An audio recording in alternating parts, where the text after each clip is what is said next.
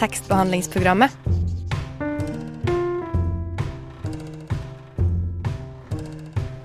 Tekstbehandling på radio. Hei, kjære lytter.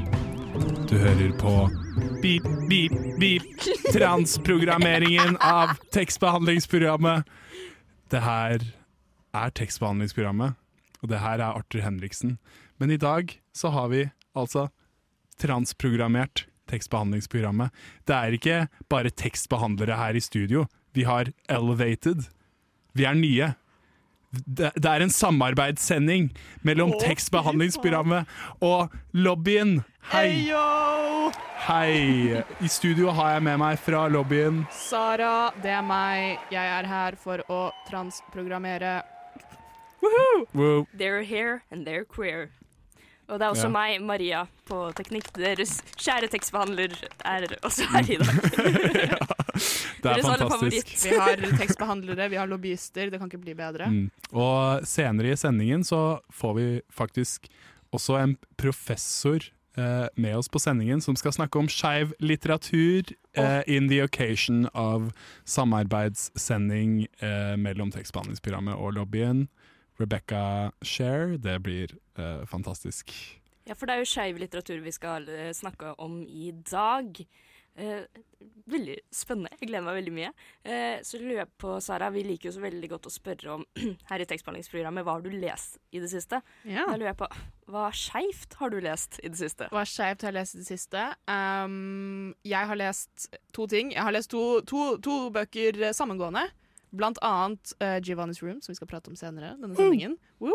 Men jeg driver også og leser den siste boken i uh, Simon Snow-trilogien av Rainbow Rowell. Den heter Anyway the Wind Blows. Um, den er skeiv. Den er fantastisk. Den er uh, Den er litt dum. Men jeg elsker den. Den er litt dum. Den er litt dum. Og senere i sendingen så skal vi jo snakke om eh, Giovanni's Room, eh, og, som er skeiv og infernalsk og deprimerende, Ja. men samtidig så utrolig rørende. Og det blir også spennende å snakke med professor Rebecca Share. Tripp, trapp, tripp, trapp. Hvem er det som tramper på min bru? Det er bare tekstbehandlingsprogrammet. We're back here uh, in the studio in English now, and I'm here with Sarah, that's me. and- Maria, that's me. And uh, welcome also to our studio, Professor of American Literature at the University of Oslo, uh, Rebecca Lynn Scherr. Am I pronouncing that correctly? Yes, but you don't have to use the Lynn. Rebecca Scherr is Rebecca just Scherr. fine as it is. Yes, I'm exiting that out of my Word document at this very moment. they force you to have your middle name at UiO, so it shows up on all I s- official documents. yeah, it's a bit, uh, yeah. It, it sounds a bit formal, perhaps, when you uh, Yes, say it. Yeah, uh, we've invited you, and uh, you've graciously accepted to indulge uh, in a conversation about queer uh, literature. Uh, thanks for being here. Oh, I'm I'm super happy to be here and to talk about queer literature. It is one of my passions. Yeah, that's. We'll uh, certainly get into that passion a little bit more because uh, I wish to, uh, or I wish you to uh, give our listeners uh, perhaps a little short rundown of your background and uh, just some introductory sentences regarding your connection to queer uh, literature. Should I just go right into that now? Yeah. Well, interestingly, on a personal level, I came to Norway in 2005 because I had a Norwegian partner living in the United States, and this was long before the Supreme Court decision that legalized marriage in the US. So my partner and I, she was Norwegian. Norwegian at that time actually had civil partnership and not marriage, but it meant that I could come to Norway. Uh, we could get married and be here together. We couldn't be together in the States when her green card ran out. So I always say that I'm kind of a queer refugee in Norway. People often Like don't that. believe it because they think, oh, in America, it's the land of the free. It's like, well, no. especially when it comes to the history of queer rights. Um, so yeah, so I came to the to Norway in 2005. At that time, I had just finished my PhD in literature, and uh, the stars were all aligned in the right places when I arrived, and I was able to get a job in my field, which is American literature. And from there, yes, um, in my dissertation, it wasn't uh, about queer literature only, but I did write about Gertrude Stein and her queer poetics, her lesbian poetics in the modernist movement. And you know, I've always like peppered lots of uh, different courses with at least one or two queer texts. And then after a couple of years at the University of Oslo, I was able to step in and start teaching uh, homotextuality, it was called. Um, I probably taught it five or six times over the past 10 years, and it's one of my absolute favorite classes to teach. Yeah, you've. Uh, it's kind of funny because you've actually kind of uh, gotten ahead of my questions. Oh, sorry about that. But um, I was wondering how long you've stayed in Norway. You came in 2005. 2005, Yeah. I arrived the day that uh, Hurricane Katrina hit the United States. I'll Oh. never Oh. forget that. No. Yeah. And thinking that George W. Bush was the worst president that could ever exist.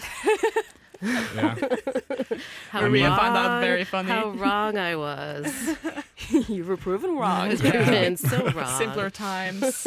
yeah, Obama was way worse. No, no um, so you've stayed here in Norway, and here comes, you know, the most dangerous question, I suppose. Uh, do you speak?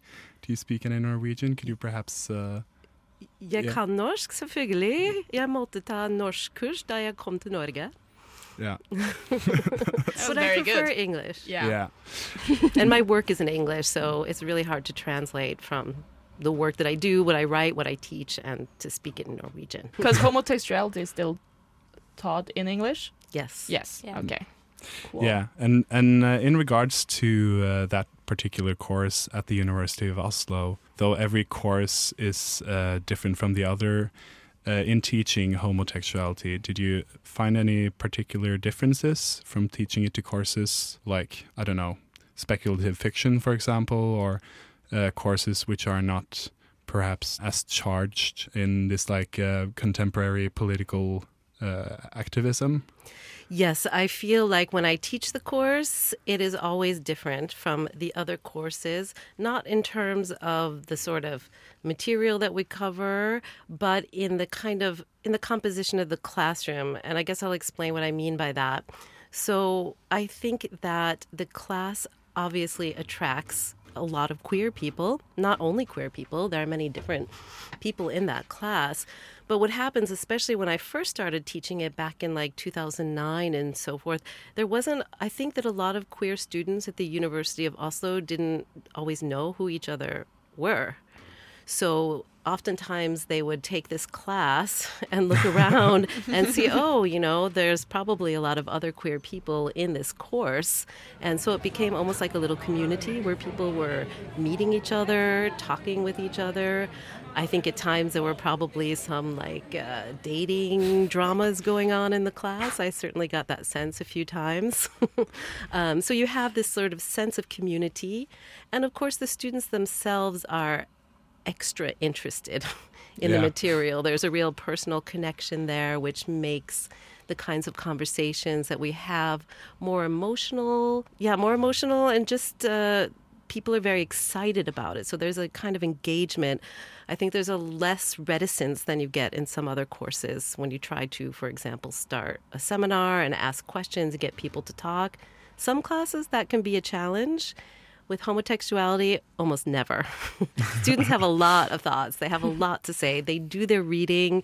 They think about the subject. Uh, they have thoughts on it. So it's really always a lovely, lovely class to teach. We, we sort of create almost a sense of community in the classroom itself. Yeah, I hadn't really uh, sort of thought about that uh, particular angle to it since uh, I'm enrolled in the class right now, and I know Sarah, you were thinking about taking I'm it. I'm probably gonna take it the like next spring when Mhm. they offer it again. Yeah. Um, but it's very nice to hear uh, stuff like that. because I'm enrolled in gender studies right now, and it's a lot of the same. You can see the same themes of people really being interested and getting that sort of like sense of community, which is kind of like uh, a a queer thing to get because you get all of these people with something kind of like th- they have this very s- kind of specific thing in common in what they're interested in and what they care about, and that creates uh, a lot of good conversations. Exactly. Yeah, and that's something I hadn't really thought about before you said so about the kind of uh, people finding each other. I just, you know, I'm not uh, invested in in that sort of way in like the in the communal sense. Uh, I'm mostly interested in it because I just want to read literature I haven't read before, really, and uh, and uh, and so that you're talking about the sense of community it really brings some sort of history and like um, importance to the class. Also, in addition, very often when I when I have taught that class, I will get messages from exchange students who tell me that they come to the University of Oslo, and one of the main reasons they come is to take a course, that particular course, because there are so many places, in fact, most places, in e- even in Europe and elsewhere, where such a course is not available, and they want that course. So they they have told me they have come here to take it, which is kind of amazing to think about. Så der satt jeg da, Maria. Ja. Og jeg var midt i et intervju med denne akademiske professoren i skeiv litteratur, i amerikansk litteratur. Veldig seriøst. Arthur fyrer av det ene gode spørsmålet etter det andre. Og jeg sitter der og tenker Kan jeg fortelle denne dama at min første introduksjon til skeiv litteratur var fanfiction? Hva med deg? Fordi jeg, jeg, må, ha, jeg må ha en støttespiller, Støttespiller. støttespiller her. Du, du også Du er well worst. Uh, AO3-veteran, Ja. her er jeg. Jeg har ikke lest noe av de greiene. Nei, det er kjempeflaut. Gå ut av for at rommet. jeg- Gå ut av Sorry for at jeg kommer inn i drømmen deres. Arthur, hva gjør du her? Nei, altså fanfiction Med en gang man finner ut at OK, her på barneskolen var det for min del. Her er det noe som ikke stemmer helt med meg i forhold til de andre. Veldig mye fanfiction er jo skeivt. Ja, men det er, det, er jo, det er jo det som da Jeg tenker at det er derfor det er introduksjonen til veldig mange. Fordi de uh, Der hvor man kan finne skeiv litteratur eller skeive narrativer, er jo ikke akkurat i uh, liksom populærkulturen og populærlitteraturen.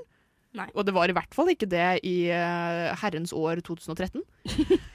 Gode herrens år. Jeg bare lurer liksom på Pleier den uh, skeive fanfiction her å være uh, eksplisitt, eller er den uh, litt mer sånn derre Å, nå er det hi veldig historiebasert? Fanfiction, den kan gå hvor som helst. Du kan tenke deg det rareste, og du kan søke det opp og finne det på en av disse nettsidene, og du finner det. Jeg lover deg. Du finner Rule så mye rart. Mm.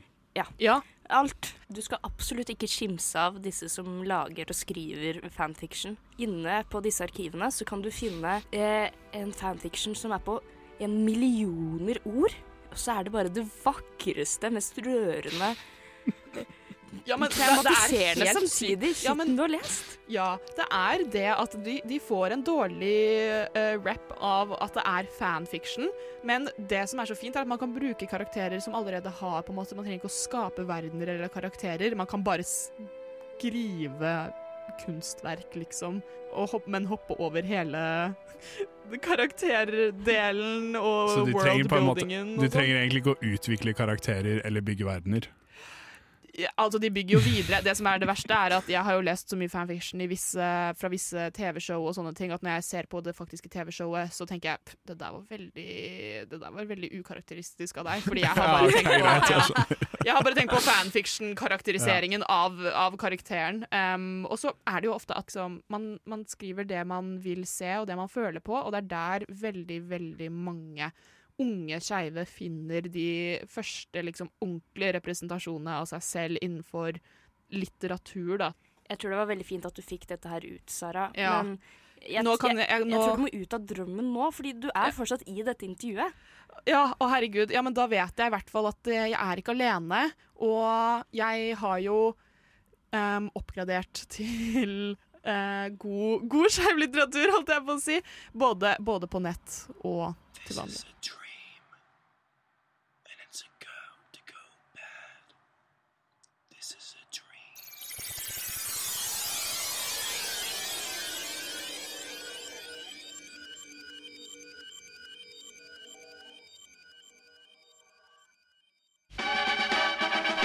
Fuck yeah, bro! Jeg hører på tekstbehandlingsprogrammet. Radio Nova. As a professor of American literature, one has to convey a lot of uh, different novels and different perspectives and theories. And I was uh, kind of wondering how to tie, if you at all tie that up into queer politics when you're teaching homotextuality. To me, there is no separation between queer politics and queer literature.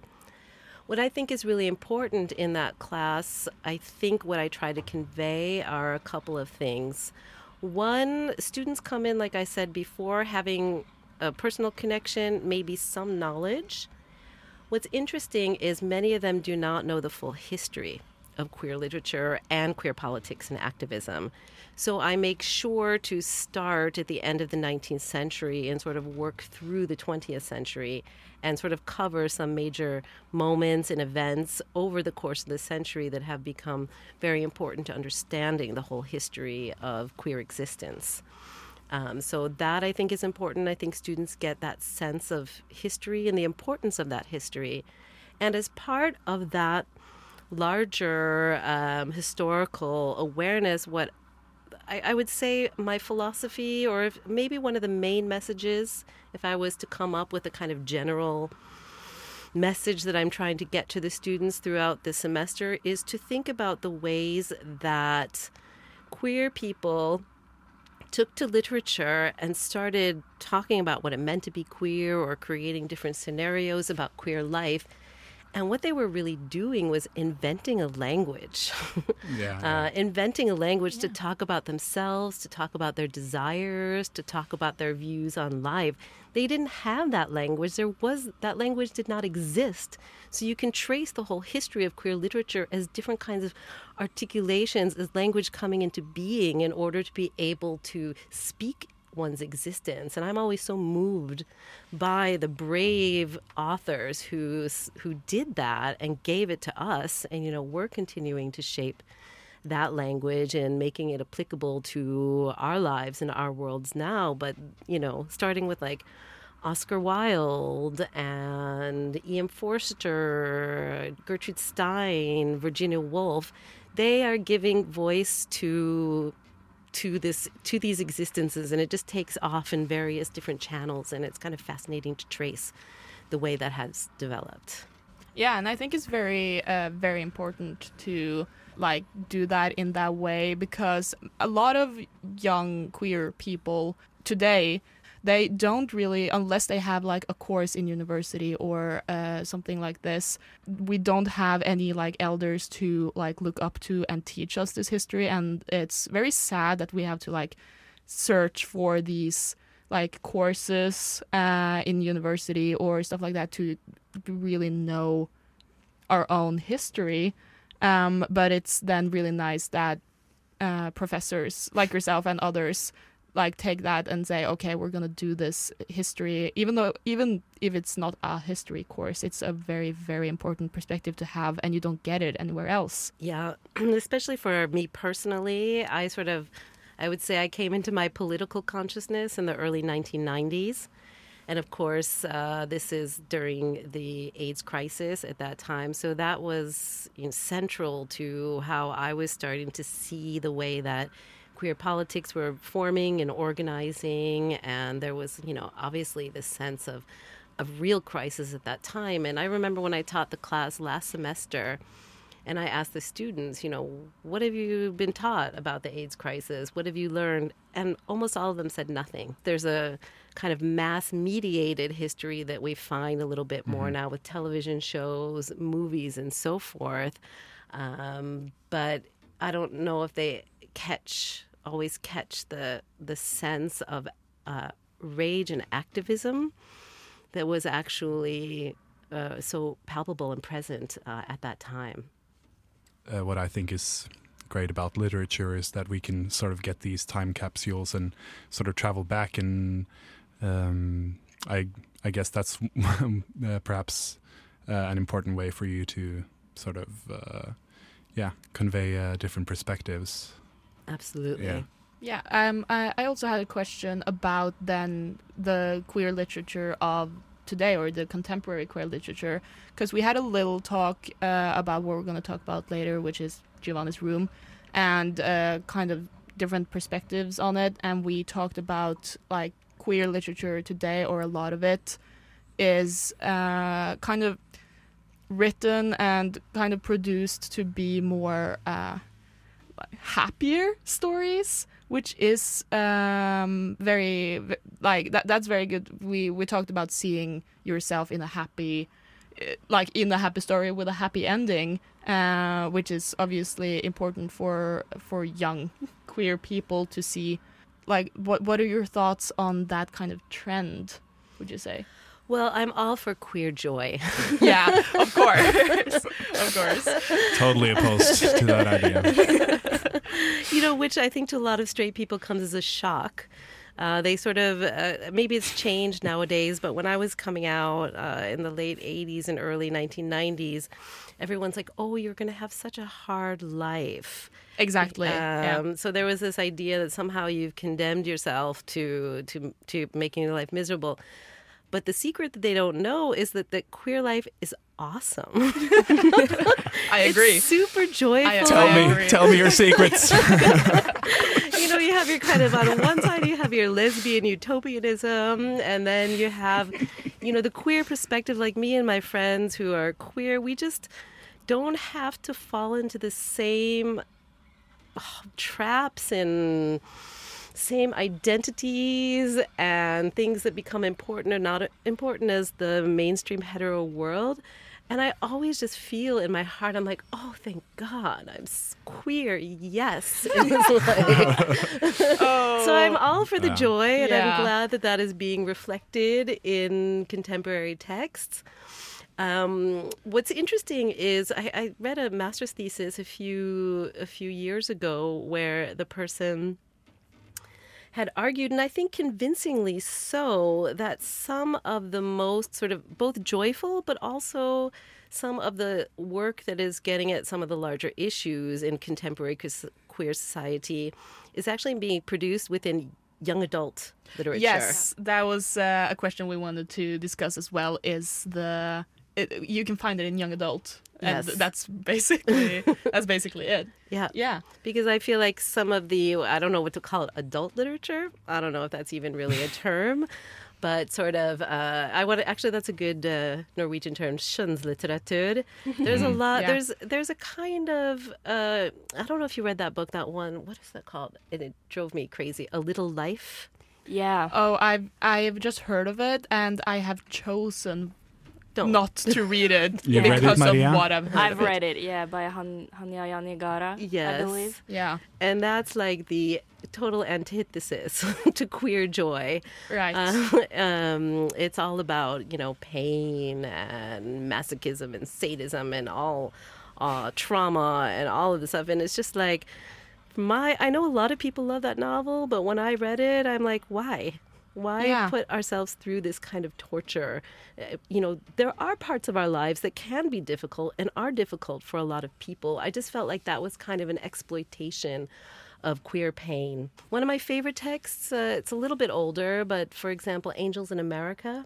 And I find that one so interestingly balances real pain, suffering, grief, death with joy and humor and beauty. And I feel like that is kind of, at least at that time, a kind of perfect expression of that combination of queer life that is both grief, deep grief, crisis, and the utter joyfulness uh, of being queer. Uh, who uh, who wrote uh, that play? Tony Kushner. So uh, to our listeners, Angels in Angels in America. Angels it, in it was also made into an HBO miniseries, which is very good to Yeah, watch. that's a sign of a good good play. Mm-hmm. Yeah, we'll uh, get further into actual queer uh, literature soon, uh, and um, I'm sorry it's going to take a turn for the dark.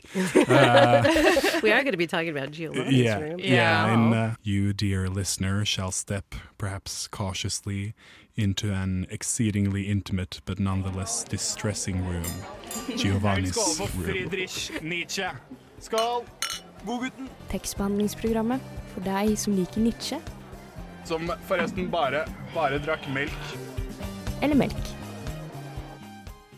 We're back in the studio here in our little intimate room, and soon we'll get to Giovanni's room. But I'm here with, Maria, Sara.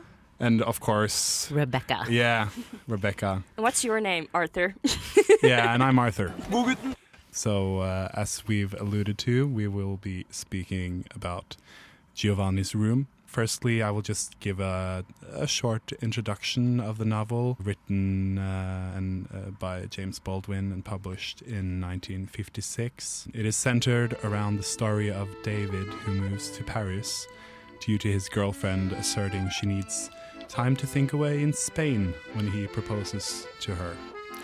David meets Giovanni in Paris through some friends or really sugar daddies or fairies or yeah and then you know David uh, David and uh, Giovanni soon fall in love despite David trying to resist his uh, obvious affection. Their romance is bleaker than bleak but the novel nonetheless exudes the near transcendent potency of love.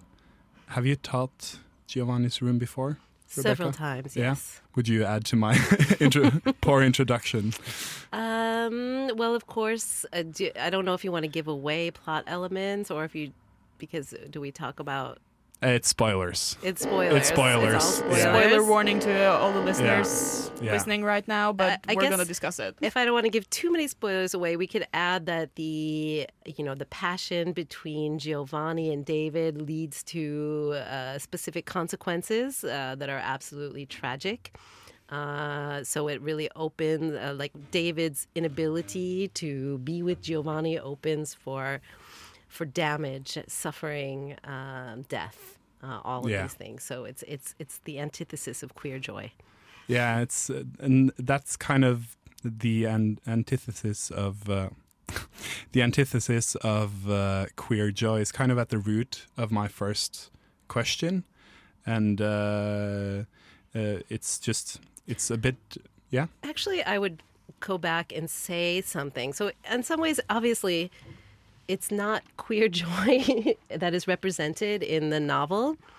But what I would like to add about maybe not so much joy, a little bit of joy, a little bit of pleasure. The book is about a, is about a tragedy, but there's such deep pleasure in reading the book because James Baldwin's prose, his sentence style, the way he has constructed the book, is like a perfect novel. So reading it is a deep pleasure, even though what happens in the text is a tragedy. And I find that combination really interesting, really fascinating.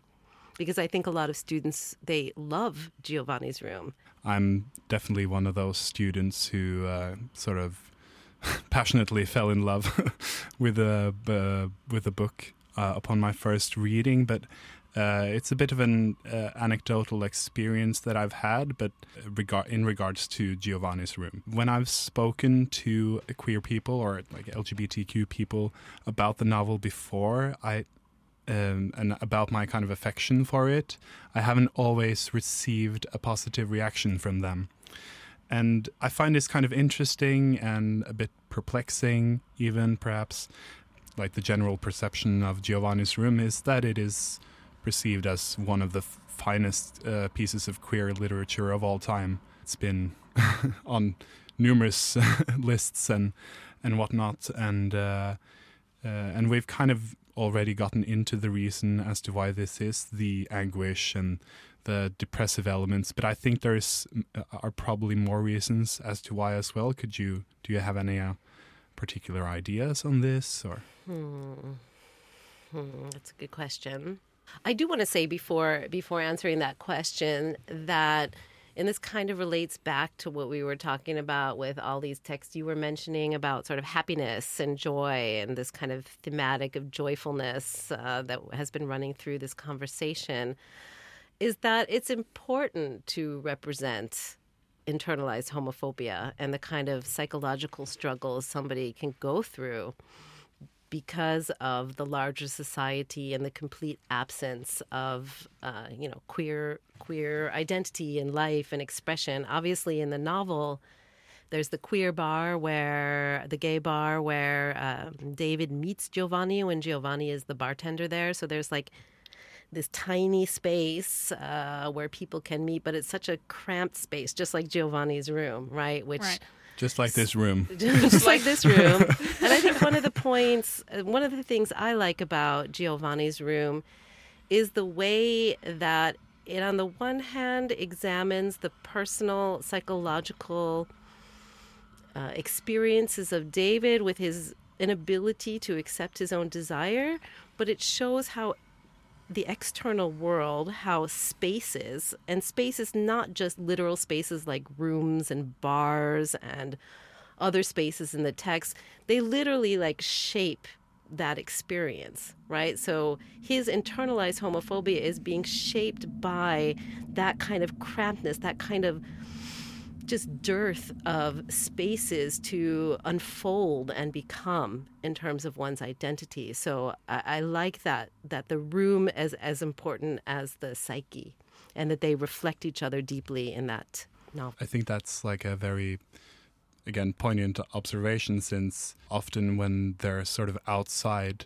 uh, and walking along the, the river, for example, in the novel, there doesn't really seem to be that sort of the the impending doom of the whole situation does not really seem to be written into those moments as much as they are in those tight spaces where- where they're kind of con- confined to sort of uh, indulge in in uh, homosexual uh, activity. It didn't mean to sound uh, terrible or anything. Homosexual Sexual activity. activity. It's very but- descriptive. Yeah, yeah.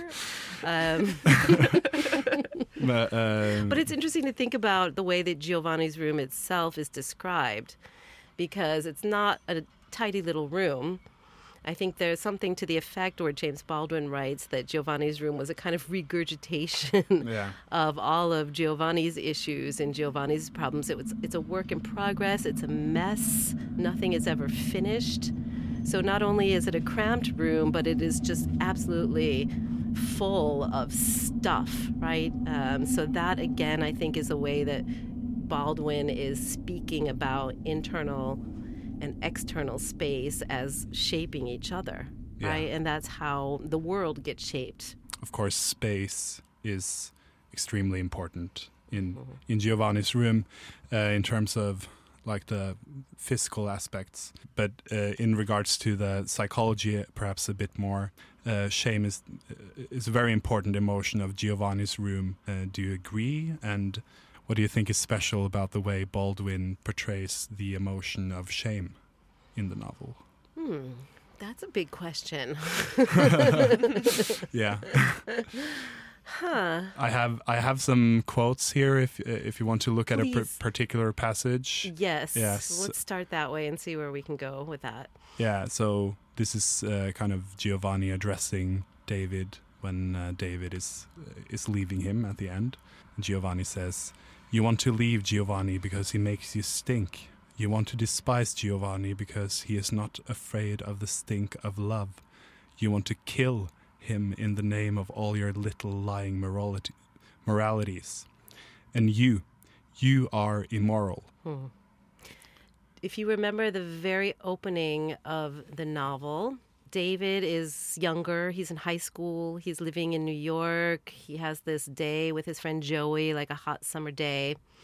And they end up in bed together, and it's his first sexual experience. And if you recall, in that section, that particular sexual experience, he has this image of his this kind of cavern opening, right? And his sort of dead mother inside that cavern. So this idea of stink and rotting and death and all of these issues that Giovanni is bringing up in the passage that you just read was something that was present in the way that David experienced his first sexual encounter.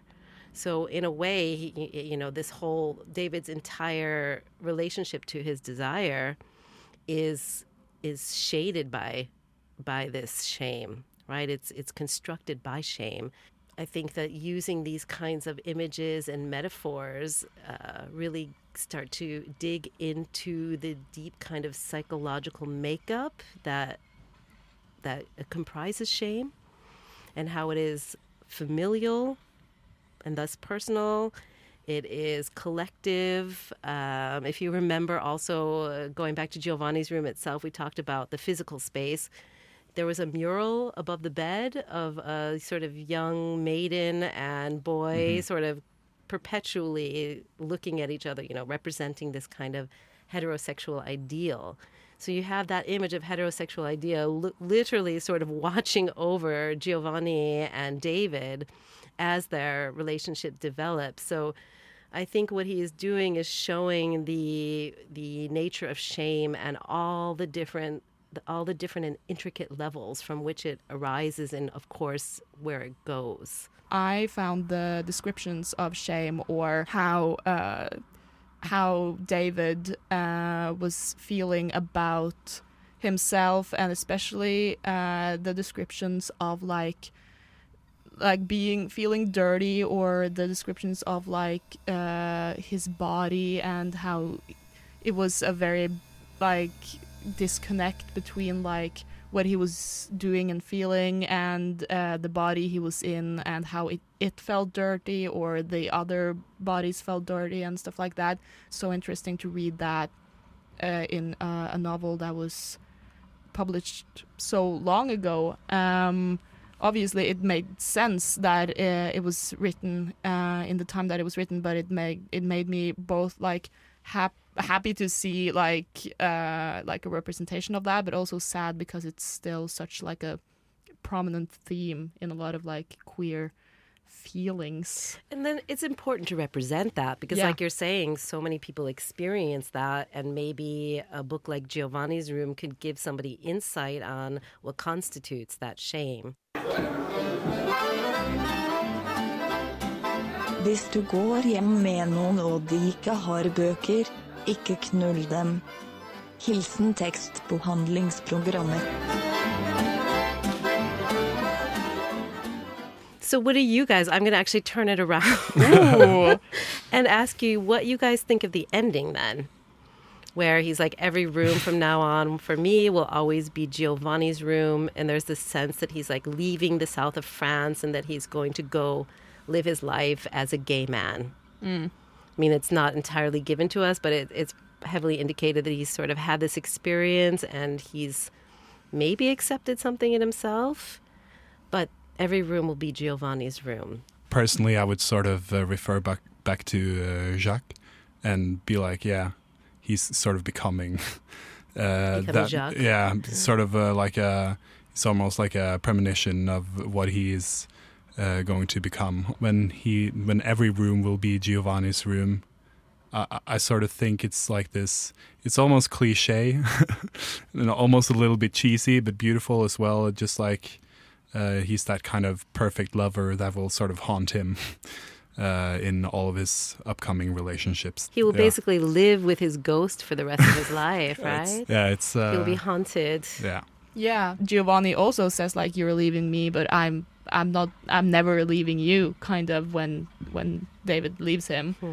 it kind of that's kind of how i interpreted the ending that uh everyone could see through david except himself like uh that random person at the bar and Jacques and his fiance and Giovanni himself, everyone could actually like see through him, uh, except himself, and it it didn't help him to to tell him that you're, yeah, this is how it's gonna end out for like this is how it's gonna turn out for you, and it does, and ca- maybe it's kind of like a resignation in a way that it's like. I I I got got all of these warnings kind of and he it's it's a sad resignation, but it's also like uh, exception in in a way. Um, so uh, yeah, no, I just found that very like interesting and something I just thought about right now. Yeah. Yeah. And he also leaves these rooms at the end, right? So Yeah. there's this image of him kind of walking into the the landscape, if you will. So everything's been so defined by rooms. That house that he was staying at in Yeah. the south of France with Hella, his fiance, and the landlady who was really interested in him finding a new woman, right? And it's sort of like yeah. he has to sort of step outside rooms at the end to sort of open to something to something new. And I think like you said, it's can very much be he's finally seen through himself. yeah. Yeah. Perhaps he is now falling into that uh, cavern. Mm, yeah, yeah. yeah, where his uh, mother resides. Now he's going to have two ghosts with Yeah. him wherever he goes his mother, his lover, Yeah. right? Yeah, and um, hopefully our, our listeners haven't uh, doesn't feel the the uh, specter of uh, Giovanni haunting them, or perhaps they wish. so, but uh, Spectre anyway, of passion. Giovanni's all passion. yeah, Yeah. specter of But. I don't feel like uh, it's it's a great like the plot is uh, interesting, but uh, I could have got this entire book spoiled for me and still really enjoy reading the book because it's in the it's in the text and the way it's written that it's uh, the gold. Yeah. yeah. Any any finishing thoughts, uh, Rebecca, just uh, on on Giovanni's room? Or, um, I feel like we've covered a lot Yeah. of ground in our conversation. Yeah, it's been a pleasure to uh, have you here to talk about Giovanni's room, and uh, um, uh, I've greatly, and I'm sure all of us have greatly appreciated your insightful comments about uh, all the different topics, and um perhaps you would uh, like to say a little more before uh, we finish this interview, uh, Rebecca. Yeah, I guess I'll just say um, if you're interested in this discussion and these ideas, I can recommend another book to read, one that I enjoy teaching. And just like Giovanni's Room moves so many students, this is also a text that many students get moved by. It is uh, Zami, a biomythography by Audre Lorde, the famous uh, poet, feminist, and lesbian activist, uh, civil rights activist. And it is her memoir well, uh, she calls it auto. What is it? She says uh, biomythography. so it is her story of her life from when she was a child to I think when she's like in her twenties, living as an African American woman in New York City, and it is literally it, it. There, there's.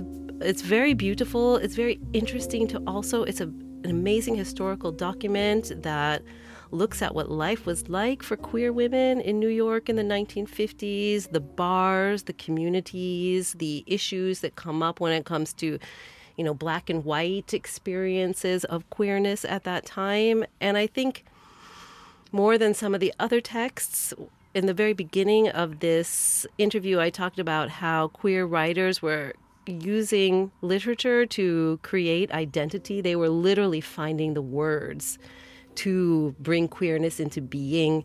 And I find that Zami is one of the most powerful examples of someone looking to language and using language in order to both preserve a certain kind of historical moment and to also give voice to who am I and what words can I use to describe me and my life and those around me. And it's just, it's beautiful.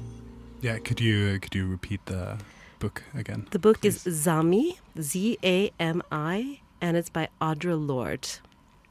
Perfect. Amazing. Yeah, Zami. and uh, I must say thank you so much Thank for you. Yes, being thank here. you. And uh, yeah, It was a great conversation. It was Yeah. a great Yeah, conversation. I enjoyed it immensely. that's Yes. great to hear. Okay, perfect. Then we're gonna say goodbye. yeah, Bye bye. Bye. goodbye. Mamma, pappa, jeg må fortelle dere noe. Jeg hører på tekstbehandlingsprogrammet. Beklageligvis akkurat eh, som eh, David forlater eh, Giovanni, så må nå tekstbehandlingsprogrammet forlate deg, kjære lytter. Men eh, jeg håper at eh, du har kunnet eh, ta noe lidenskap og kjærlighet ut av denne episoden og intervjuet vårt med professor Rebecca Share. Jeg må si at eh, det har vært eh, helt magisk å samarbeide med deg, eh, Sara, fra, fra lobbyen. Det har vært helt fantastisk, faktisk. Det har vært utrolig spennende og veldig hyggelig å få, få være med i tekstbehandlingsprogrammet. Og ta et uh, dypdykk inn i Giovanni's Room og skeiv litteratur i seg selv. Ja, og jeg håper virkelig at du som lytter blir like glad i dette kjærlighetsbarnet som vi har lagd her, denne sendingen. For det kan du høre igjen, eh, hvis du ønsker det, som podkast, uansett eh, hvor du liker å høre på podkast, faktisk. Ja. ja. Og 10 til 11 på onsdager på Radio Nova. Radio Nova. Radio Nova. Og Nova. i studio var uh, eh, eh, Sara Johnsen. Det er meg. Takk for meg. Maria Skjerven, som også var på Le Technique. Le Technique. Oui, og meg, Arthur Henriksen. Ha det bra. Ha det. Ha det.